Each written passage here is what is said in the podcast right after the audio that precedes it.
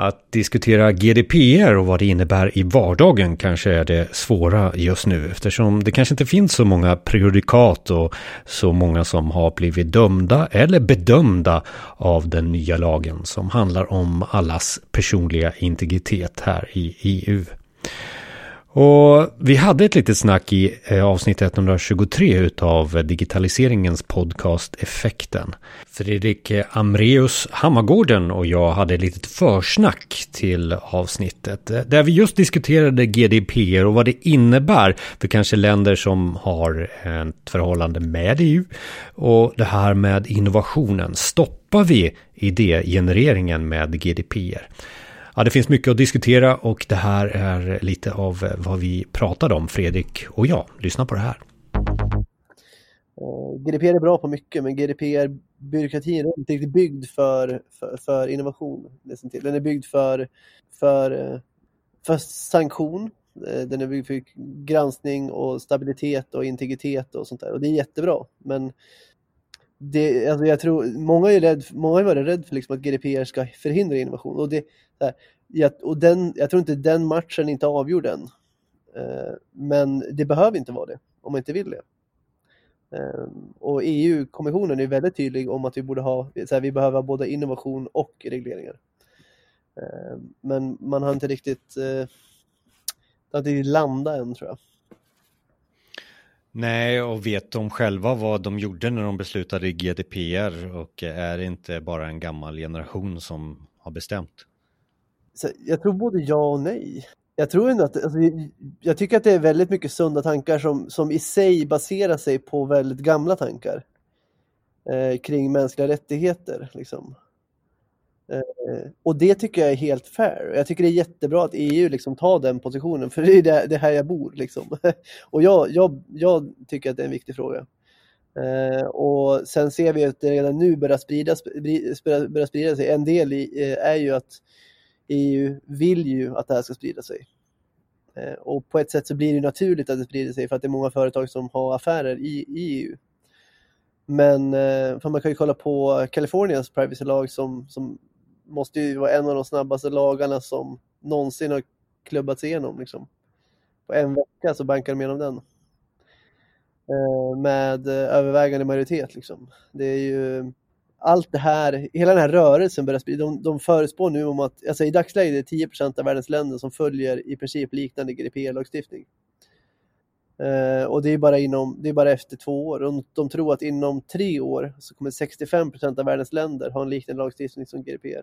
Och inom fem år så kommer, kommer USA ha en liknande lagstiftning som GDPR. Då kommer de ha 100 i majoritet i senaten för, federal, för, för, för, federala lagar. Och hur förändrar det? Alltså det, redan när det är 500 000 500 000 som är verksamma med GDPR-frågor i Europa. Eh, det är enorm, enorma liksom, eh, ansträngningar som samhället har fått tagit. Liksom. Men som kommer också resultera i en bättre integritet i sin helhet. Nu, nu man, här, man är ganska ung i de här tankarna, det är mycket tankar som är fria. Liksom. Jag vill säga, ja, vi ser risker och många risker som man påtalar. Även nu, jag tycker nu White, alltså i White, White Papers och, och den här guiden som de släppt nu, liksom, det är ju det är problematik som man har pratat om jättelänge liksom, och som man kanske i sig inte har några direkta lösningar på än. Och det är därför man behöver innovation. Och jag tror därför man pressar så hårt på att man också vill få fram innovation inom det här. Alltså för att man inte har de svaren. Men man vet hur vi ska reglera det. Det kan vi vara ganska, alltså, ungefär. Nu är det olika länder och olika, jag tänker till det som nu blev det med beslutet på förbudet, men, men att olika länder har olika syn på det. Liksom. Men, men generellt sett så har man, man har ju redan bankat igenom det här och alla står ju ändå för det här. Eh, det, är ju en, det, det finns ju en, en enhällighet i det, vilket är jättebra. Så nu är det detaljer och vissa riskområden som man ser mer på och mindre på. Och sådär. Men, men man behöver innovation för att faktiskt sen kunna lösa de här sakerna. Man behöver forskning, man behöver finansiering och ja, allt som ett innovationsklimat behöver. Liksom. Alltså, hur, hur hela världen rör sig. Och, så här, och, och vad innebär det då? Jo, det innebär att, det innebär att juridiken kommer vara en, en liksom, det är någonting som är en del av affärsutvecklingsteamet redan i dagsläget. Men det jobbet kommer bli mycket, mycket mer komplicerat. Speciellt om man är antingen ett startup som måste gå in, alltså internationellt först eller om man är ett internationellt bolag överhuvudtaget. Liksom. Eh, för, för det handlar inte bara om att GDPR rules liksom, utan det är ju alla eh, länder får ju sina Eh, alltså så här, ja, men, som, som Kalifornien, liksom, de är ju mycket hårdare än GDPR på vissa saker. Eh, och då måste man ju tänka på det. Eh, eh jämfört med Brasilien. Liksom. Brasilien är en av de mest juristtäta eh, länderna i världen. Eh, och det, jag hörde att, jag hörde att eh, ett Fortune, eh, Fortune 100-företag eh, var intressant, sidnot liksom. men de hade frågat dem, så här, ja men ni verkar väl i världen. Liksom, ja, så här, ja, var har ni mest liksom, litigations i ert bolag? Eh, och då sa jag 70 procent i Brasilien.